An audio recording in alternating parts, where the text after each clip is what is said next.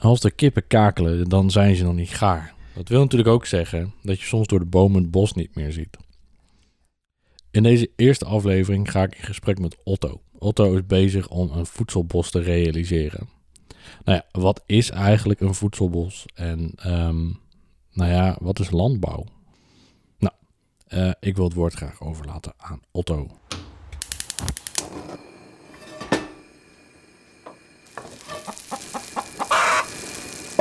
Jij gaat een, of je bent van plan om een voedselbos in Zwolle aan te leggen. Zeg ik dat goed? Uh, ja, klopt.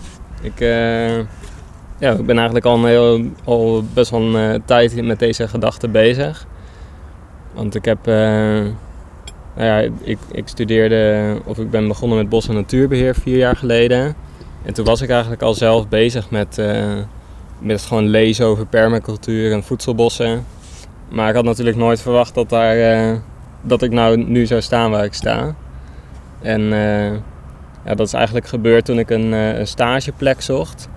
En ik had wel gericht gevraagd van via Landschap Overijs had ik een contact gezocht en ik had gevraagd van hebben jullie misschien ook iets met voedselbossen? En nou ja, zo, zo ben ik Joke en Milou tegengekomen. En Joke is dus de tuinder hier en Milou is, een, is ook een ondernemer in Zwolle en die helpt meer met het begeleiden van projecten uh, ook met duurzaamheid, die met duurzaamheid te maken heeft. En dan meer in het kader van verbinding. Dus uh, de verschillende partijen met elkaar verbinden en gewoon eens om de tafel gaan zitten. En uh, zij hadden eigenlijk met z'n twee, Milou en Joke, die hadden toen met z'n twee het idee van... ja, zou het niet vet zijn als we gewoon in, in, in Zwolle een voedselbos kunnen aanleggen? Ze hadden allebei uh, daar wel ideeën over. En Joke is natuurlijk heel praktisch. En Milou die zit gewoon veel, op een veel abstracter niveau met duurzaamheid. En die vraag kreeg ik eigenlijk. Het was een hele. Ja, het was wat betreft, dat betreft wel een, een bijzondere intro van een stage. Want het was heel vrij. Zij hadden eigenlijk die vraag. Legden ze aan mij voor van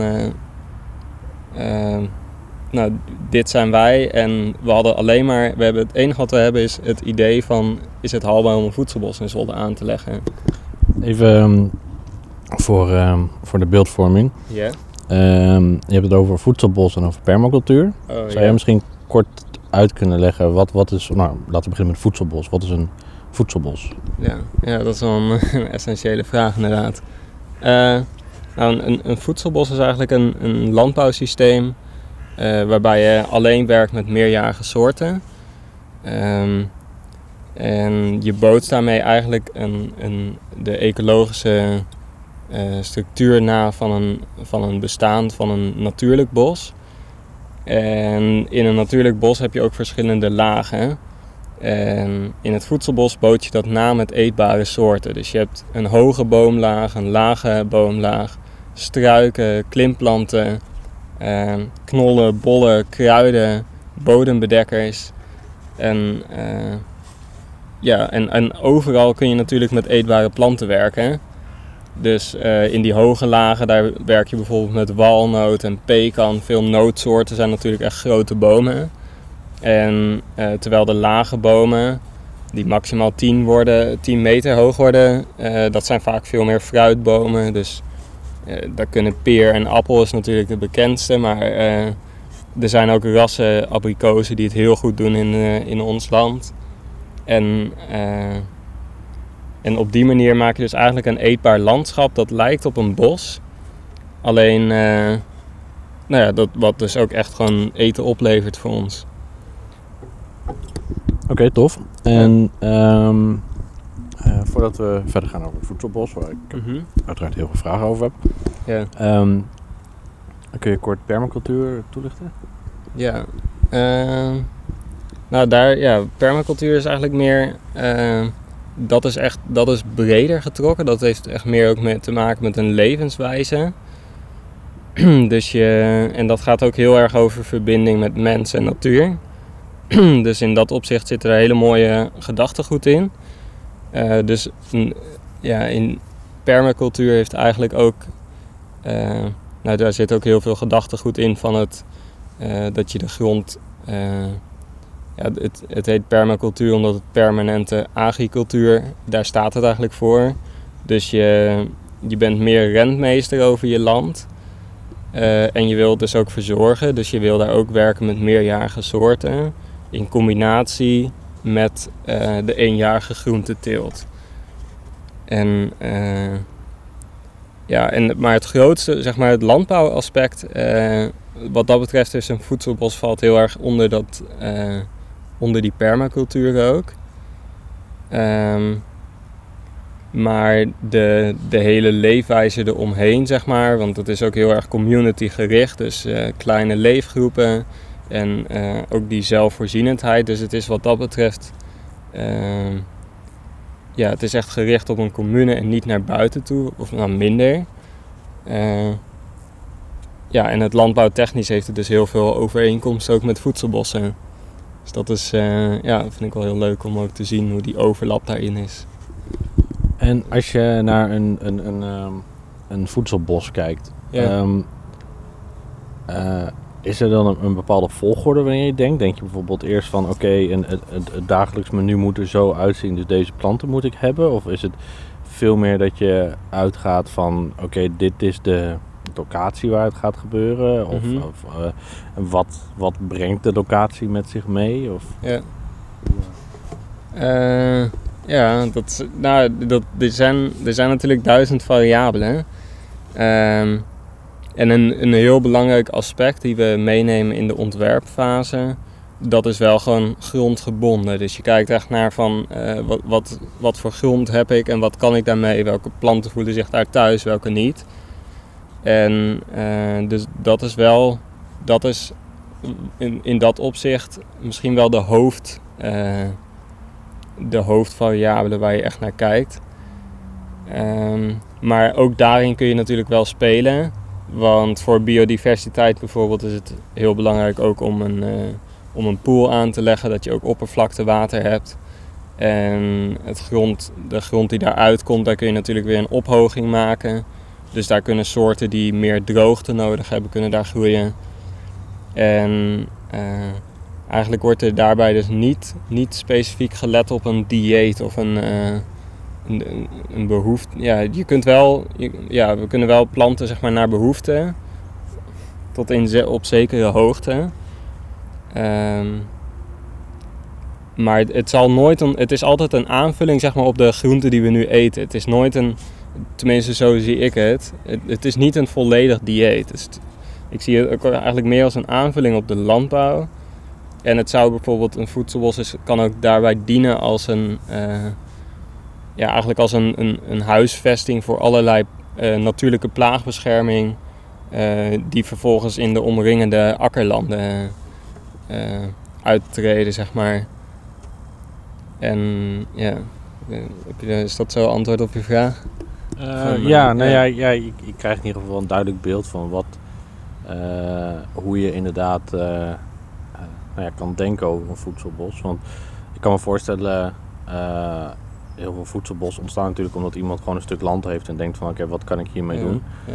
Ehm, maar ik stel jou de vraag ook specifiek omdat jij bent eh, nou ja, in het proces om eh, op zoek te gaan naar nou ja, of het mogelijk is. En ik weet niet Mhm. of jullie ook al, al een plek bepaald hebben of zijn jullie nog aan het zoeken naar een plek? Of, Ehm, ja, we zijn eigenlijk nog wel een beetje aan het zoeken naar een plek. Omdat eh, op zich er zijn wel wat opties die we met de gemeente open hebben liggen. Maar het is nog, eh, ja, het is wat dat betreft te vroeg om te zeggen van daar kunnen we echt terecht.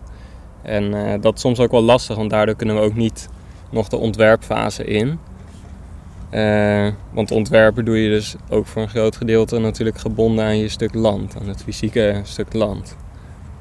En, maar er zijn altijd soorten waar je wel op aan kan sturen. En ik kom zelf ook uit de kokswereld. En eh, daarom was ik ook zo enthousiast over voedselbossen. Dat ik vond het gewoon vet dat je gewoon... Je hebt zoveel soorten eten die hier in Nederland groeien... maar die niet op grote schaal geteeld worden. Omdat het gewoon ja, of te exclusief is... of gewoon niet, in principe niet loont, zeg maar. Dat het te weinig opbrengst levert.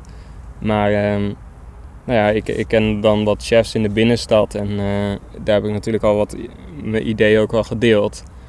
En dan, uh, dan hoor je ook wel verzoekjes zo van, oh zou je dan niet, dan hebben ze iets geks een keer zelf uh, ergens gehad. Dan zeggen ze van, zou je dat niet kunnen telen ook in die voedselbos? En dan, dat, dat schrijf ik wel op. Dat neem ik wel mee, zeg maar. En er is vast altijd wel een, een, een, plekje op het land waar je dat, dat je toch ook naar die behoeftes kan telen. Ja. Vet. En um, waar moet ik aan denken bij een voedselbos? Dus in principe als je, als je drie bij drie meter hebt, dan kun je een voedselbosje op uh, beginnen. Of uh, heb je het over, om, ja, is er zo, over een soort van minimumgrootte? Um, ja, de, we zouden natuurlijk Nederland niet zijn als we daar inderdaad allemaal getalletjes aan hebben gehangen. Dus dat is ook gebeurd. je hebt een landelijke stichting, Stichting Voedselbosbouw Nederland. En uh, zij, hebben daar, daar wat op papier over gezet. En uh, ze hebben ook een definitie dan van een voedselbos uh, gemaakt. En wat daar eigenlijk. Ehm, nou, wat zij, wat zij eigenlijk hanteren is dat je een, een, een voedselbos dat dat minimaal een halve hectare is. maar dan wel als er ook natuur omheen is. Omdat het anders te klein is om daadwerkelijk dat bossysteem te kunnen zijn. En anders dan hebben zij het over. Stel dat je zeg maar helemaal midden in de akkers van uh, Flevoland staat. Of dat je. Uh, waar gewoon helemaal geen natuur is. Dan heb je wel 20 hectare voedselbos nodig. En, en dat is dan. Uh, en dat is dan gericht zeg maar op hoe er, hoeveel kun je het bos nabootsen. Want veel, veel beesten die in een bos leven, die hebben een minimale grootte nodig. Dus, en uh, voor hier gaan we uit van, uh, nou, voor het voedselbos in Zwolle willen we 5,5 hectare, 5 hectare ongeveer. En dat is ook omdat je, nou ja, er is natuurlijk wel natuur ook in en rondom Zwolle. Uh, maar het is ook belangrijk dat je als bedrijf kunt bestaan. En 5 hectare is daarmee een mooi ja, gewoon een hele mooie grootte om en die natuurlijke waarde te krijgen. Uh, en om te kunnen bestaan van, van het voedselbos. Ja. Oké, okay, dus wat ik nu met mijn volkstuintje van uh, anderhalve aren wil doen, eh, om te ja. kijken of ik uh, zoveel mogelijk permacultuur kan doen, dan mag ik het mm -hmm. dus geen voedselbosje noemen. Nee, maar het is natuurlijk altijd goed om te experimenteren, ja. In, officieel is het dan geen voedselbos, nee, maar ik zou, uh, ik zou altijd uh, losgaan. Sowieso. hey, we zijn nu op uh, tuinderij de Spolderberg. Ja. Zeg ik het in één keer goed? Ja, Oké. Okay. Beetje lullig als je het in één keer fout zegt. Ja. Um, de eerste keer dat ik hier ben. ja. Sowieso kom ik op heel veel plekken de laatste tijd voor de eerste keer, dus dat is super vet. Ja.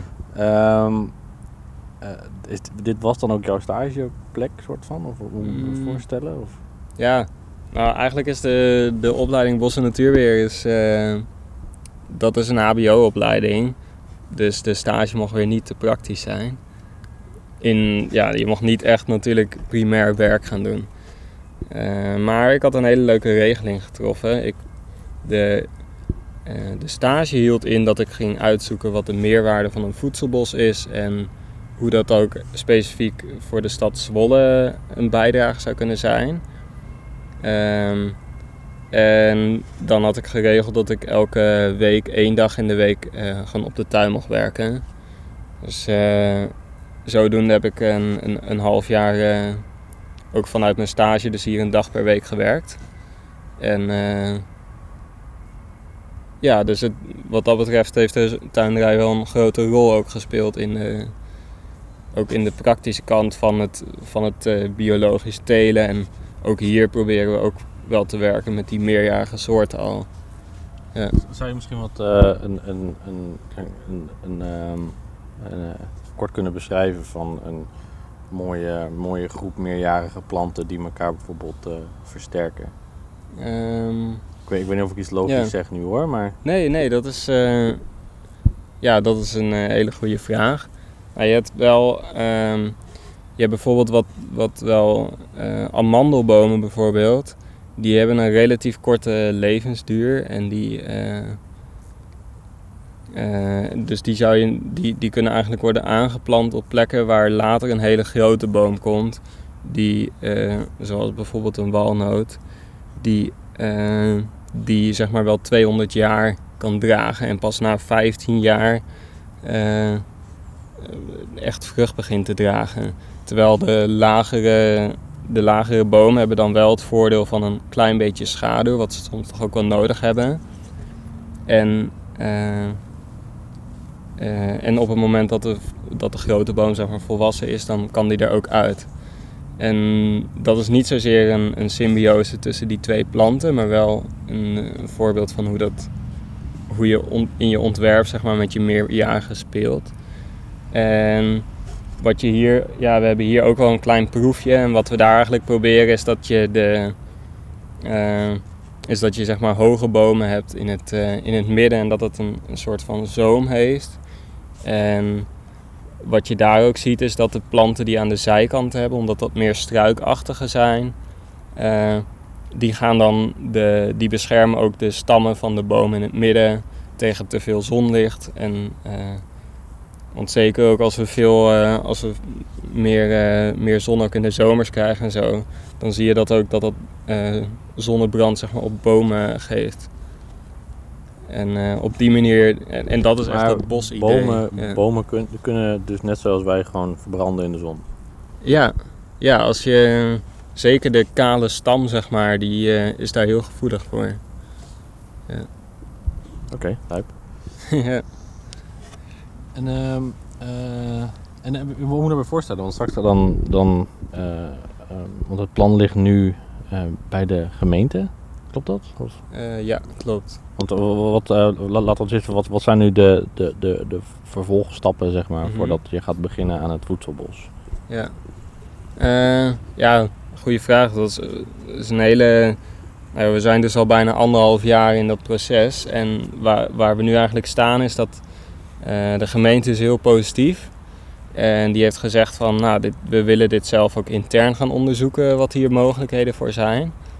En eh, dus dat plan is ingediend. En toen hebben ze eigenlijk gezegd van, want een van ons, verzoek van mij was van, ik, we hebben de grond wel 20 jaar nodig. Anders dan kunnen wij natuurlijk niet eh, daarop gaan bouwen. En nu momenteel zijn veel gronden die de gemeente verpacht, is allemaal één jaar gepacht. Omdat daar eventueel een projectontwikkelaar op komt. En daarvan hebben ze nu gezegd dat die, die langdurige pacht, dat is mogelijk. Dus dat is, eh, daar ben ik heel blij mee, want dan, dat betekent gewoon eigenlijk dat we verder kunnen en dat de gemeente het ook ziet zitten. En eh, wij schrijven, we zijn nu nog bezig met een document om eh, de, de risico's voor de gemeente aan te scherpen. En dat gaat naar de, binnenkort, eh, aan het eind van augustus, gaat dat naar de college, dus de burgemeester en wethouders. En eind augustus krijgen we dan de beslissing te horen van eh, gaat dit door of niet. Oké, en dan, dan ga je dus kijken naar waar het eventueel zou kunnen gebeuren. Ja, nou dan hebben we, ja, dat, dat komt dan ook, dat gaat dan allemaal heel snel. Dus dan, eh, want we hebben natuurlijk al wel een locatie, we hebben wel locaties op het oog, zeg maar, die het meest realistisch zijn. En op het moment eigenlijk dat ze zeggen van, nou, we gaan, we gaan hier helemaal voor, dan komt inderdaad de locatie en tegelijk eh, ook de ontwerpfase kunnen we dan beginnen. Ja.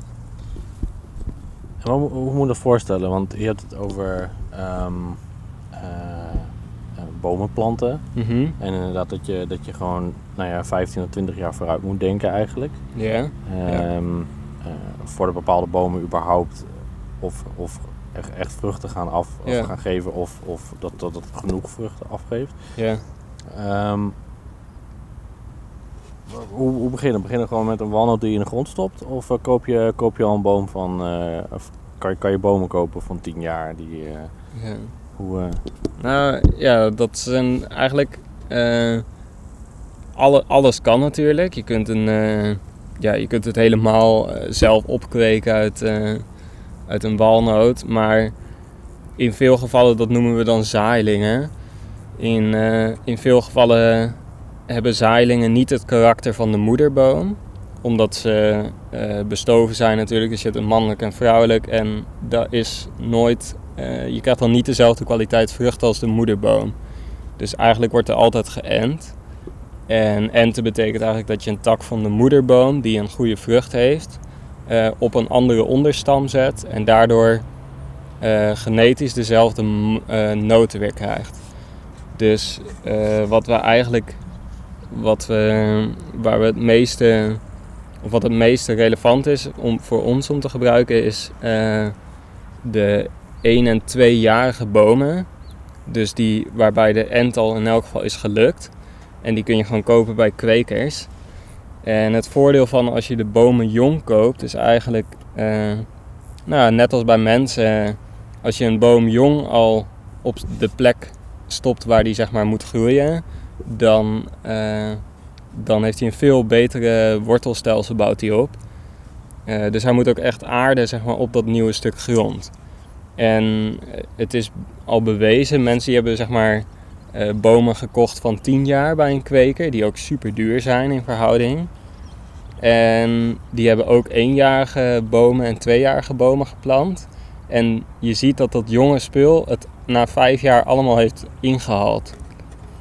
Dus eh, dat is al een bewijs dat een oude boom verplaatsen, zeg maar, echt, eh, dat dat ook veel impact heeft op de groei daarvan.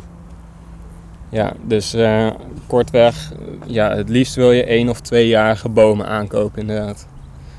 Dus, dus de, de eerste, ehm, het eerste jaar ziet het eruit gewoon als een tu- tuinderijbewijsje van. En dan Mhm. in de loop van een paar jaar wordt het steeds meer, krijg je steeds meer een bosgevoel. Eh, ja. ja, eigenlijk, het is inderdaad, eh, aan het begin ziet het er heel zielig uit wat dat betreft. Want eh, ja, je kunt het hier natuurlijk eh, een beetje zien op de tuin. Je hebt hier een, eh, een bloemenveld. En de boompjes zullen ongeveer even hoog zijn als de bloemen nu. Dus je, je ziet er inderdaad niet zoveel van. Ehm, maar ook daar heb je weer het voordeel dat in die eerste jaren de, de kruiden die gewoon opkomen, die hoef je niet weg te halen. Maar die bieden juist bescherming en schaduw ook aan de planten, aan, de, aan het plantgoed, aan de bomen. Dus het ziet er inderdaad uit als een beetje een, een, een bloemenveld met wat stokjes. Ja. Je, je wordt dus wel heel erg eh, nou ja, uitgedaagd, of ja, uitgedaagd weet ik niet, maar je moet wel heel erg geduldig zijn. Want Mhm. nou ja, om een voorbeeld te geven, je bent nu, je bent net 25 en Mhm. tegen de tijd dat die walnootboom vruchten gaat geven, dan ben je al 40. ja, klopt. Hoe, eh, eh, ja, hoe, hoe is dat? Mm, We leven natuurlijk in een tijd waarin alles snel, snel, snel moet. En het liefst, Ja. nou ja, gisteren nog resultaat. Nou, nou ja, er zijn natuurlijk wel steeds meer geluiden gaande, zeg maar, van oké, laten we het gewoon even rustig aandoen. ja. Ehm, ja, hoe, hoe, hoe sta jij hierin? Eh, ja, wat, misschien ben ik ook wel, heb ik wel geluk dat ik ook wel eh, geduldig ben van aard. Dus eh, dat scheelt ook al een hoop. En ik ben heel nieuwsgierig naar, eh, nou ja, wat ik ook op mijn opleiding meekrijg, zeg maar, naar de hele cyclus van elke plant. En eh, dat vond ik altijd al leuk om naar te kijken. Dus wat dat betreft eh, vind ik het, het onderzoeken van het proces heel mooi. Eh, maar ja, uiteindelijk moet ik natuurlijk ook wel een boterham kunnen verdienen. En dat is, wel, dat is wel spannend op, in dat opzicht. De eerste vijf jaar moet je niet verwachten dat je daar, dat je daar iets, iets uit gaat halen, zeg maar. Dat je er echt aan kunt verdienen. Dus je kunt al wel, wel wat experimenteren met soorten en eh, mensen enthousiast maken over de diversiteit. Eh, maar ja, het is gewoon een heel traag proces en eigenlijk kan dat ook niet versneld worden. Er zijn wel experimenten dat mensen bijvoorbeeld schimmels toevoegen aan de bodem. Ehm, nou, daar zijn heel veel discussies over en eh, zelf geloof ik daarin. ik, ik geloof er niet zo heel erg in dat je een soort van versneld proces kunt nabootsen van een bosbodem. Omdat juist de, de combinatie aan schimmels, er zijn echt duizenden schimmels zitten er in bosbodems. Juist die, elke bosbodem heeft een unieke combinatie. Dus op het moment dat je een heel pakket met hout met een bepaalde schimmel, zeg maar, eh, toevoegt aan je bos, dan zal, dat, dan zal dat wel effect hebben en waarschijnlijk ook positief. Eh, maar het kan maar zo zijn dat die schimmels helemaal niet bij dat type bos horen. En dat kun je als mens niet voorspellen. Die, de, de wereld van de schimmels is zeg maar zo complex dat. Ja, dus dat, eh, wat dat betreft denk ik dat geduld wel de, uiteindelijk de effectiefste is. Ja. Wat, eh, je, hebt het nu een beetje over de, over de aarde.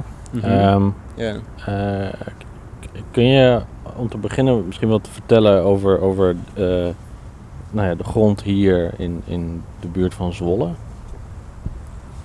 Um, ja, je, Nederland is eigenlijk een, bestaan, bestond vroeger sowieso heel groot, voor een heel groot gedeelte uit veen. En uh, nou, dat veen is natuurlijk allemaal gewonnen, dus we hebben heel veel te maken met inklinking. En uh, ook in Zwolle en de regio is heel veel veen.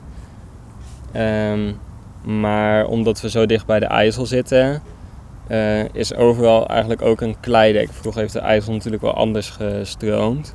Maar wat je nu eigenlijk ziet is dat de rivier door overstromingen uh, klei heeft afgezet.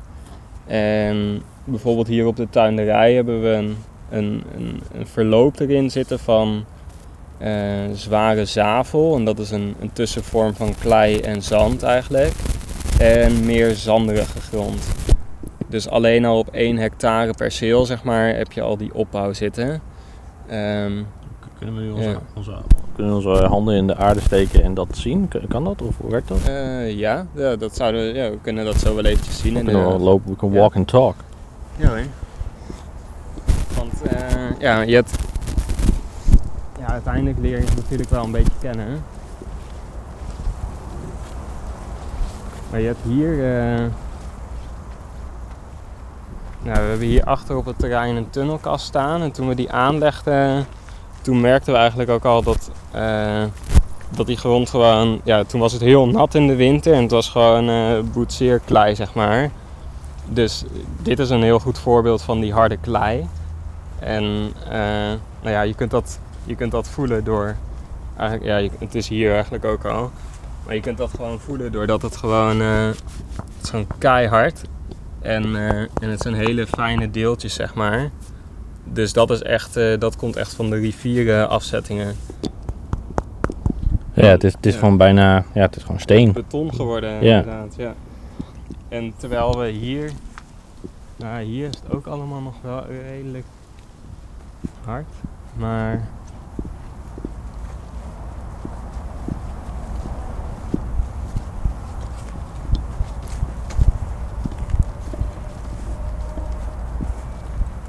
dit gedeelte, daar is al, uh, ja kijk, als je hierin voelt, dat ziet ook, heeft al een hele andere textuur. En, uh, en dit blijft ook gewoon veel losser. Dus dat is veel zanderiger. En, uh, er zit ook veel daar... organisch materiaal in, klopt dat? Of uh, zijn het gewoon ja, worteltjes die... Ja, hier hebben we één keer compost overheen gedaan. dus daar zit een heel klein beetje organisch materiaal in inderdaad. Maar er heeft hier jarenlang uh, een maisakker op gestaan. En mais wordt eigenlijk altijd enorm overbemest. En uh, dus de grond heeft eigenlijk een hele, moet eigenlijk weer helemaal hersteld worden. En wij doen dat in de vorm van het toevoegen van compost. Want als er meer organisch materiaal zit, dan is het kleie gedeelte wat je net voelde, dat wordt dan niet meer zo'n betonlaag. En het zandige gedeelte laat heel makkelijk vocht weer uh, wegcijpelen. En door het toevoegen van organisch materiaal um, houdt dat zand eigenlijk juist weer beter dat vocht vast. Dus op die manier heeft het voor zowel zand als klei meerwaarde om, om dat organisch materiaal op te bouwen. Dus dat organisch materiaal dat, dat, dat zorgt aan de ene kant voor dat, dat de, uh, de kleilaag eigenlijk niet wordt blootgesteld aan de lucht, zodat die, zodat die mm -hmm. kan drogen. Zeg ik dat goed? Of? Uh, ja, nou, over klei. Klei is eigenlijk wel een hele.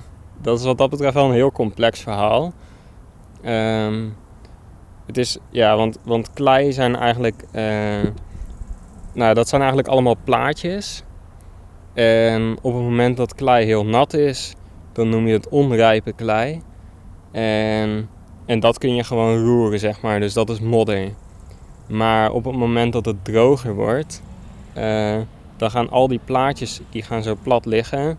En dat wordt dus. Uh, en dat bezinkt dan helemaal. Dan wordt het ook letterlijk kleiner, dus inklinken. En dat is het moment dat het beton is. En dat organisch materiaal zorgt er eigenlijk voor, die gaat tussen die plaatjes zitten. En daardoor wordt het luchtiger tussen de plaatjes. Oh, dus, dus je En- mengt eh, de compost echt met de klei. Ja, dat gebeurt vanzelf door de, door de neerslag. Dus er, er valt regen en dan lost er... Nou ja, we hebben hier nu steeds meer wormen, ook op het terrein. En allerlei torretjes en andere beestjes. En die halen eigenlijk dat organisch materiaal naar beneden. Die trekken dat naar beneden toe. En wormen zijn daarin het, het meest krachtig. Je kunt echt, eh, als je een gat zou graven, zeg maar, dan zou je het bijna kunnen zien dat die, eh, dat die in die tunnel, zeg maar, dat, dat de tunnel zwarter is. Omdat hij gewoon dat materiaal meeneemt naar beneden. Ja. Vet. Ja. En eh, nou, nu weer terug naar het voedselbos. Want wat, Ja. wat, wat, betekent, eh, de, wat betekent de grond rondom Zwolle voor een voedselbos?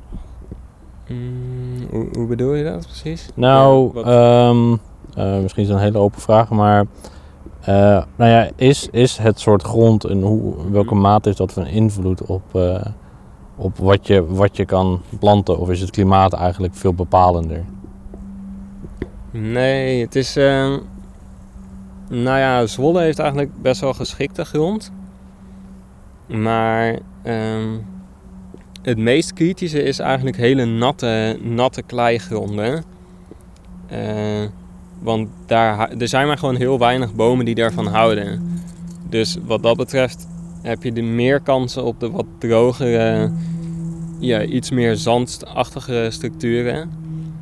En wat dat betreft heeft Zwolle best wel veel grond die, die aan die eisen voldoet. Dus daardoor heb je een heel breed scala aan eh, plantgoed wat het doet op die grond. En eh, het klimaat speelt ook een hele belangrijke rol. Eh, en dat komt ook omdat, er wel, omdat je wel nou, in voedselbossen wordt eigenlijk, en dat, dat ga ik zelf ook wel doen, word je ook wel, neem je ook wel een beetje risico's door soorten te planten die eigenlijk iets zuidelijker zouden groeien. Eh, met het oog op klimaatverandering. dus dat het ook hier iets warmer wordt. En een, eh, een graad zeg maar, kan al een verschil zijn voor bepaalde bomen zoals nectarine. om, om, om hier ook goed vrucht te gaan dragen. Dus dat is een, eh, ja... En in combinatie met de rassenkeuze van soorten die ook noordelijker groeien. Dus dat is ook het klimaat is wel een heel belangrijk verhaal hierin hoor. Ja. Oké, vet. Eh, je gebruikt het woord rassenkeus. Eh, we moeten me voorstellen dat je bijvoorbeeld zowel nectarines die, of een, een vrucht van die zuidelijker groeit en dan dezelfde Ja. vrucht die ook noordelijker groeit? Of? Ja, ja je, hebt, je hebt van elke... Ja, voor appels bijvoorbeeld ken je het wel, omdat je in de winkel kun je kiezen uit Elstar, Jona Gold of eh Kansi. En, en die appels die hebben allemaal hun eigen, hun eigen kwaliteiten. En eh, dat, dat heb je bijna met elke, met elke plant die we eten, zeg maar. Heb je verschillende soorten inderdaad, en dat noemen we rassen. En ehm, vaak kun je aan de naam van een ras ook wel herleiden of iets uit het noorden komt of niet. Want soms dan heet het bijvoorbeeld, eh, ja, een, eh, je hebt bijvoorbeeld een Siberische pijnboom. Nou, dat lijkt al kouder te zijn, zeg maar, dan een hele, dan een andere soort. Terwijl in Turkije ook heel veel pijnbomen groeien. Ehm, en, en zo heb je, ja, dus je hebt bijvoorbeeld ook de Mongoolse citroen. En dat is gewoon, die heeft dezelfde, ja, smaakt wel iets anders dan een citroen, zeg maar. Maar die, die hoort ook thuis in koudere klimaten. Dus dat is ook weer een, eh, een En waarom, ehm, waarom zien we die vrucht überhaupt niet meer hier? Eh, nou, dat heeft denk ik te maken met de, de, de risico die dat heeft voor de, ehm, voor de, de teler eigenlijk. Die, omdat het niet gebruikelijk is, eh, heb je heel veel, ja, moet je, is het risico al heel groot dat je je, je plantgoed niet, of je, je citroenen zeg maar niet kwijtraakt. Ehm, en daarin zie je toch ook wel een soort, ja, dat leeft natuurlijk, dat is zowel de consument als de eh, leverancier heeft daar eigenlijk een rol in. Want eh, nou ja, het is nu op een bepaalde manier gegroeid. En je merkt ook wel dat sommige mensen zijn daar heel blij mee, anderen niet. Die zijn echt op zoek naar van, hé, hey, ik wil eigenlijk weer weten waar mijn voedsel vandaan komt. Dus ik zie daar ook wel een transitie al langzaam in komen. Dus misschien dat er ook wel in de, in de grotere teelt, dat er uiteindelijk toch wel... Uh, uh, dat daar ook wel andere soorten gaan komen, inderdaad. Maar voor nu is het te veel risico. Ja.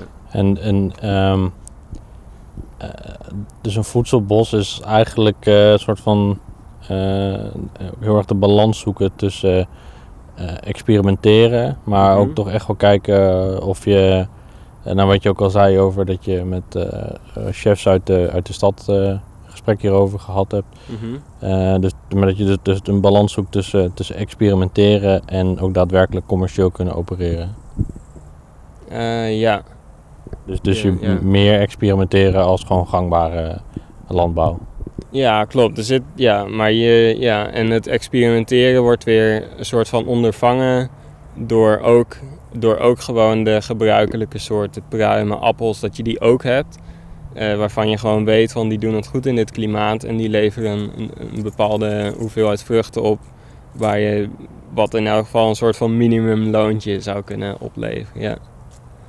En, en uh, is het ook het idee dat omdat je met uh, meerjarige planten werkt, dat je dus ook niet elk jaar weer. Uh, nou, je, je, hoeft niet elke keer weer te bemesten, je hoeft niet alles om te ploegen. Um, dat, dat het dan ook op de lange termijn minder werk is?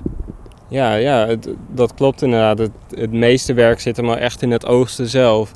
Dus je hoeft inderdaad niet meer te ploegen, niet, geen mest wordt er meer toegevoegd. Uh, je hoeft niet te vrezen, geen onkruid te wieden. Uh, dus dat zijn heel veel voordelen. En daartegenover staat dat je met meer dan 150 soorten best wel veel kennis nodig hebt om te weten van hey, wanneer kun je wat oogsten. En het is heel bewerkelijk omdat je alles met de hand moet oogsten. Ja. Ah, Oké, ja, je kan het niet met grote, grote machines kun je het bos in. Uh... Nee, nee. Er, wordt, ja, er zijn, Wageningen is daar natuurlijk een ja, die, die is daar natuurlijk heel veel mee bezig om daar onderzoek naar te doen. En ook naar robots. En, uh, maar nou ja, je, je hebt wel verschillende voedselbossen. Wouter van Eck, dat is een hele bekende. En die, die noemt dat altijd romantisch en rationeel voedselbos. En uh, ja, een, een, een, ook in Zwolle zeg maar, willen we een groot deel rationeel invullen. Dus dat zullen wel je hanteert wel al die verschillende lagen in het bos. Uh, maar je probeert het wel in, in rijen aan te leggen. Dus je kunt wel gewoon zeggen van uh, tegen iemand van nou in die rij moet je alle, moet je alle peren plukken. Uh, en op die manier kun je er toch nog een soort van systeempje maken dat, je, dat het in elk geval wel effectiever is. Maar er zijn nog tot nu toe nog geen machines voor. Nee. Um, je, je, je, noemt nu ook uh, het, in, uh, het in rijen uh, oogsten. Dat zien we hier ja. natuurlijk op de tuin, zien we dat ook heel duidelijk. Ja. is natuurlijk heel overzichtelijk.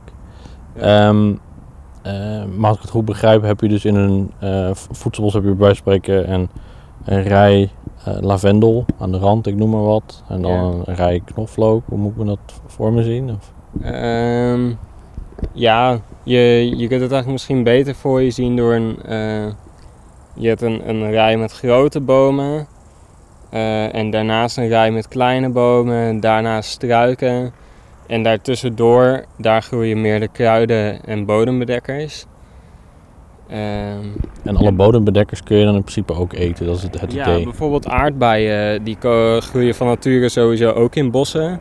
En uh, aardbeien die maken eigenlijk elk jaar allemaal uh, nieuwe plantjes. Dus die werpen een, een, stokje uit en dan komt daar een nieuw aardbeiplantje. En uh, dus op die manier verplaatst hij zichzelf over waar het het meest ideaal is voor hem dat jaar. En dus die kun je, kun je ook gewoon eten inderdaad. En lang niet, ja, uiteindelijk zal ook niet alles eetbaar zijn omdat ja, gewoon niet alle onkruiden zijn eetbaar. Maar er is altijd meer eetbaar dan je denkt. En, is het dan ook zo dat, dat de, uh, de eerste jaren is alles natuurlijk nog laag en dan moeten alle mhm. planten nog uh, een beetje groeien, zeg maar? Dat, dat, ja. dat je de eerste jaren wel heel veel onkruid aan het wieden bent? Uh, nee, dat, dat is eigenlijk niet nodig. We kunnen wel, eh, ja, misschien kunnen we dat wel eventjes hier, dan kan ik het wel laten zien. Je hebt, eh, ja, er zijn al wel mensen die hebben daar wat, wat mee ge- geëxperimenteerd. En iemand die had bijvoorbeeld, die had 20 eh, bomen. En de bomen die waren nog heel jong. Ehm, eh, maar er kwam allemaal distel kwam erop. En toen heeft hij, eh, eigenlijk heeft hij gewoon gezegd van, heeft hij 10 10 bomen heeft hij de distels bij weggehaald. En bij de andere bomen niet. En juist degene waar de distels nog stonden, die bomen die waren het volgende jaar groter. Terwijl het dezelfde bomen waren. Dus dat was een. eh, ja, dat, was, dat had hij eigenlijk zelf ook niet verwacht. En hier hebben we dat nu zelf ook eh, mee geëxperimenteerd. zijn bessen? Ja, dus dit zijn, eh, eh, dit zijn kweeperen ook. Een eh, Chinese kweepeer. En ja, we hebben hier helemaal niks. We hebben hier nooit gesproeid, geen onkruid weggehaald. En eh, dit is het tweede jaar nu. En je ziet eigenlijk dat al het plantgoed het gewoon tussen het onkruid doorheen doet. En eh, nou, dit zijn dan rozenbottels. Ja, want natuurlijk ook als je aan onkruidwieden denkt, dan denk je ook aan, aan, de, aan, aan het esthetische van dat je alleen maar de plant ziet die je wil zien. Ja. Maar dat, dat idee moet je dus een beetje loslaten. Ja, inderdaad. Ja, dat is.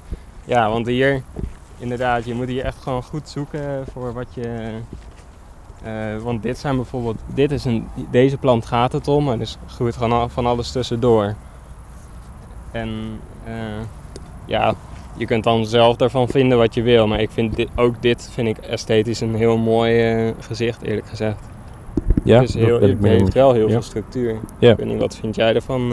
Ja, nee, ik- het ziet, het ziet er heel mooi uit. Het is een beetje een Piet Outhoff tuin bijna. Ja. Met al, al dat, dat, dat hoge gras wat tussen de planten groeit inderdaad. En je moet gewoon eventjes twee keer kijken om inderdaad de, de plant met de, met de vruchten eraan te zien. Maar Ja. ja, ja oké. Ja, dat, Ja. ja, tof. Ja, maar ik vind ook wel, zoals je ziet hier natuurlijk ook de bedden die wel gewoon helemaal strak zijn hiernaast. En dat is wel, eh, dat heeft esthetisch ook wel wat. Dus ik vind het, eh, ja, En wat je ook wel vaak hoort is dat, eh, ehm, eh, dat je dan eh, hoe is het, eh, hout, houtsnippers, eh flinke laag houtsnippers op, op de, erop legt. Eh, ja, dat kan, maar dat, dat, is, eh, dat is een persoonlijke keuze. En daar zou ik zelf eerlijk gezegd niet voor kiezen. Wat dat betreft, dit is een, eh, dit is een experiment ook van Joker geweest. En daar, heb ik toen, daar heb ik toen ook bij geholpen met de aanplant ervan. En eigenlijk, ja, eigenlijk wat je hier ziet gebeuren is dat ook zonder die houtsnippers dat het gewoon eh, dat het eigenlijk super goed gaat. Ja, nou, Ja, het, het, is een het is wel, het is wel een andere manier van denken inderdaad. Het gaat, Ja. gaat helemaal niet om eh, dat die planten er niet mogen zijn, maar ze, ze, mo- ze moeten niet de, de planten die je wel wil verdrukken. Ja, ja klopt. En ja, wat je eigenlijk, dat is nog wel... eh, want hier bijvoorbeeld, dit zijn ook hele kleine plantjes. Maar je ziet ook dat het onkruid hier weer heel anders is. Dit zijn appelbessen. En eh, ze geven nu al heel veel vrucht. Ze Maar, zijn, ook heel eh, zijn ze rijp of? Eh, bijna, maar ze zijn... eigenlijk moet je deze vrucht koken. hè. Want anders dan is die heel wrang en een beetje bitter. Ja, dus ik zou hem nu Klinkt wel heel lekker, een Ja. appelbes. Ja, klopt. Ze zijn ook heel mooi. Ja. Want een hele, heel diep paarse kleur heeft het als je er dus sap van, sap van maakt. Het lijken eigenlijk een soort grote eh, nou, aalbessen. Nee? Oh, ja. Weet je ook alweer? Die, eh, nee? Die in die struiken groeien. Heb je van die, van die vlier, vlier, vlierbloesem. Oh, vlierbessen. Vlierbessen, ja. ja. Zo'n grote Ja. vlierbessen lijken het. Ja.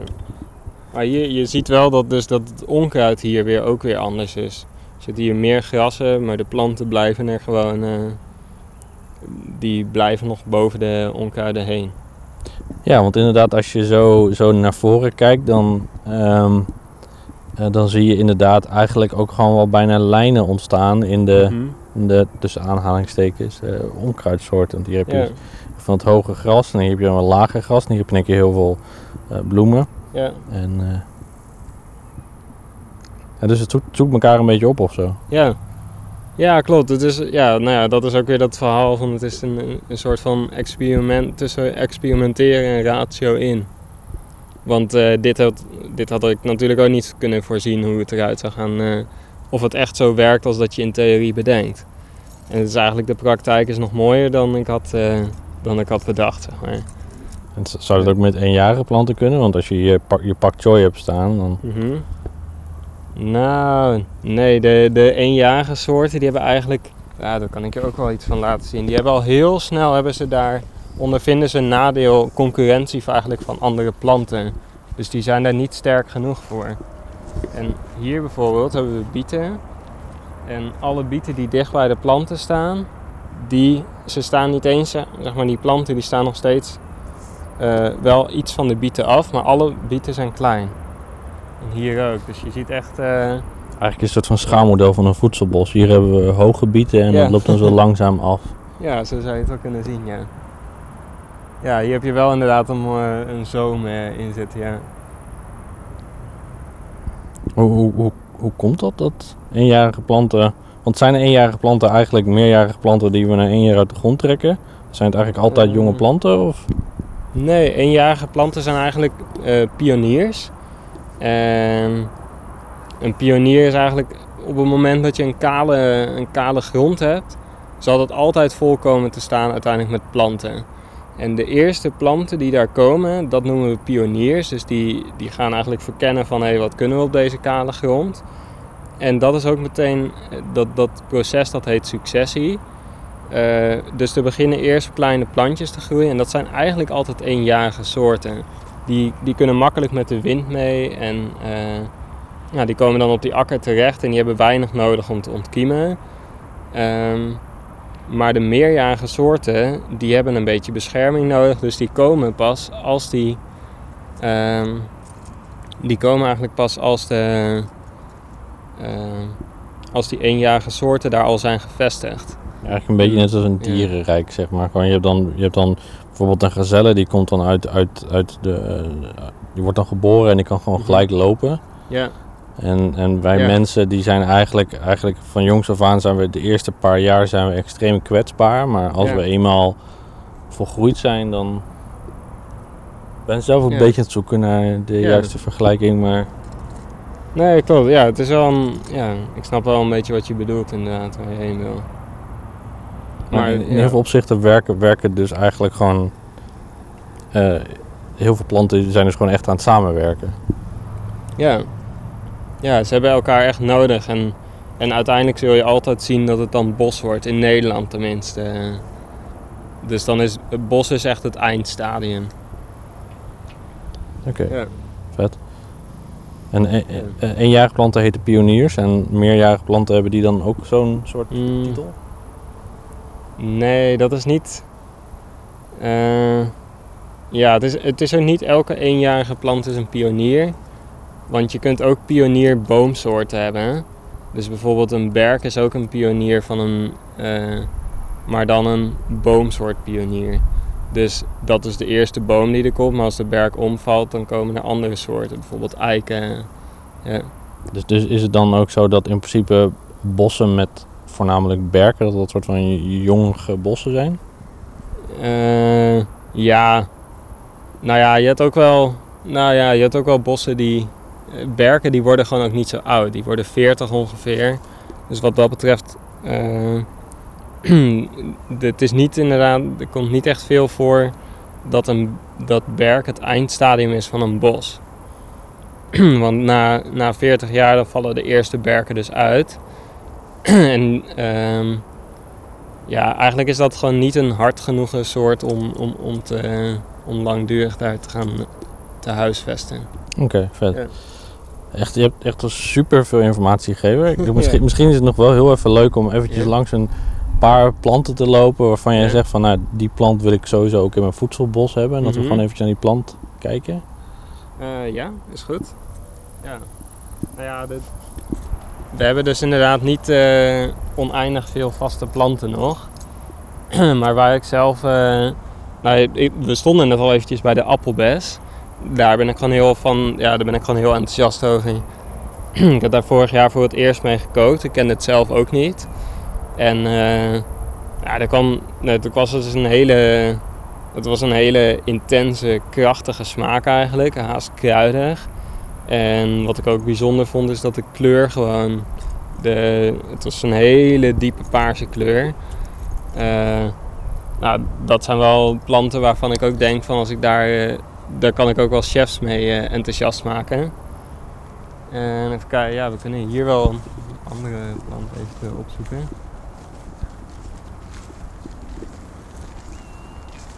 je hebt ook nog, wat ik bijvoorbeeld, uh, dit is een, uh, dit zijn teunisbloemen. En die komen ook gewoon vanzelf op. En de teunisbloem, dat is gewoon een wilde, een wilde plant, die is tweejarig. Komt vanzelf op in je, in je bos en dat is dus ook een eetbaar bloemetje. Dus ik wil hem wel gewoon proberen. Wat vind je ervan? Um, hij begint een beetje zoetig, een hele, hele subtiele zoete smaak. Mm De nasmaak is een klein beetje bitter. Ja. Um, ik heb wel eens van die. Um, fuck, open oma hebben die in de tuin. Dat zijn van die grote gele bloemen. Ja. en er zit echt gewoon zo'n laagje, laagje, laagje nectar zit daarin. Uh. Dat doet me ook een klein beetje aan denken. Het heeft wel echt die, die, die, die nectar. Ja. Die nectar, is het nectar? Ja, er zit ook Stuifmeel, een, ja. wat, wat, wat, ja, wat, wat, wat, wat smaak geeft. Ja. Het is wel lekker. Kan lekker. Het is wel lekker de salade. Ja, ik denk wel snel over, over, het wordt snel overheerst door een andere smaken. Maar ja, precies. Maar het is ook vooral voor, eh, om het gewoon op te fleuren, zeg maar. Het wordt er gewoon leuker van. En eh, dit is een Japanse. ja, heel goed. Dit zijn de Japanse wijnbessen. Ja, dat is ook gewoon een, eh, dat is een hele makkelijke plant. En eh, ja, moeten wij een paar proeven. Het is gewoon, dit is altijd zo'n, eh, ja, het is een heel subtiel vruchtje. Heel klein beetje plakkerig. Hij is heel zo, ja, Ja, dit is echt, dit is echt een hele, hele lekkere vrucht. ja. Het zit, zit echt letterlijk gewoon. Het ziet er ook uit als een beraam Mhm. slash framboos. En de Ja. smaak zit er eigenlijk ook gewoon een klein beetje tussenin. ja. Ja, klopt. Ja, het is nu ook overal, overal in, langs de weg heb je ook alle beramen die, eh, die eh, lekker, Ja. gisteren ook lekker te snoepen tijdens het Oh, wandelen. nice. Ja, ik had toevallig gisteren ook inderdaad, toen fietste ik langs en dan had ik ook gewoon een handje meegenomen. Ja, dat deed ik ook als kind al. Ik weet niet hoe dat, heb jij dat, eh, zat dat er bij jou ook in? Of? Ehm, nou ja, in het wild heb ik weinig geplukt, maar mijn opa en oma hadden altijd al een moestuin. Dus daar Oh ja. kreeg ik dat wel mee. Besjes Ja. en framboosjes en braampjes en dat soort dingen. Oh ja. Dus wat dat betreft ken je het wel. eh, je bent er wel deels mee opgegroeid ook. Ja, ja, ik heb wel veel gewoon van, direct van het plant gegeten.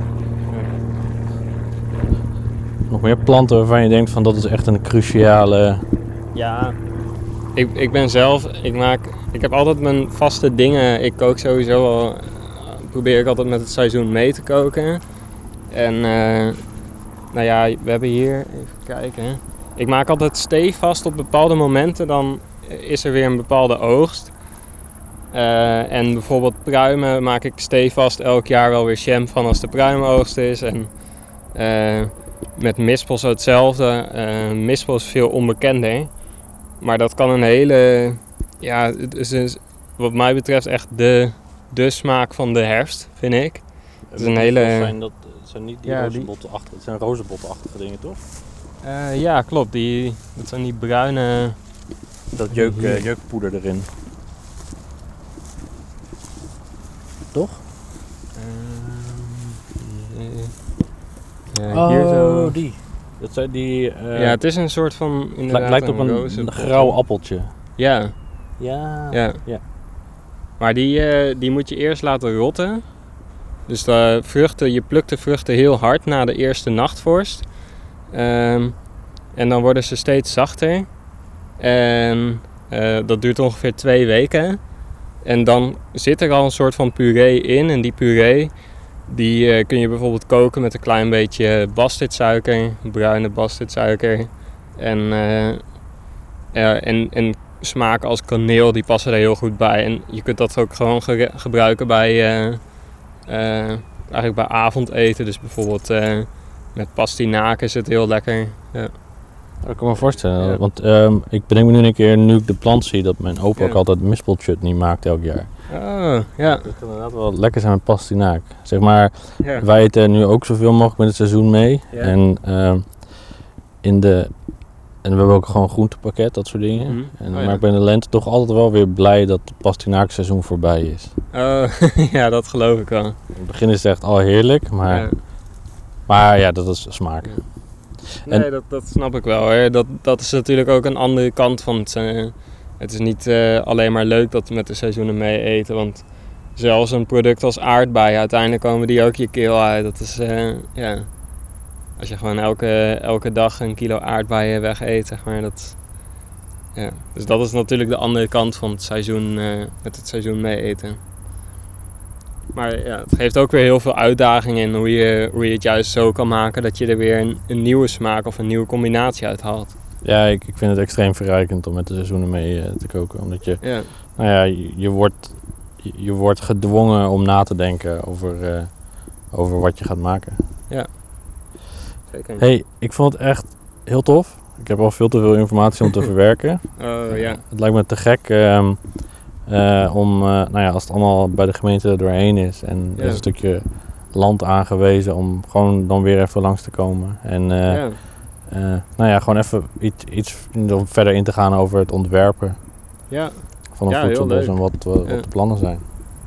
Ja, ik vind het mooi. Ik vind het eh, leuk dat je ook zo op deze manier die, eh, met je zoektocht eigenlijk bezig bent van hey, hoe, hoe werkt dat nou allemaal? En eh, je stelt ook wel goede vragen. En je, ja, dus ik vond het wel leuk eh, om mee te doen. Oh, dankjewel. Ja.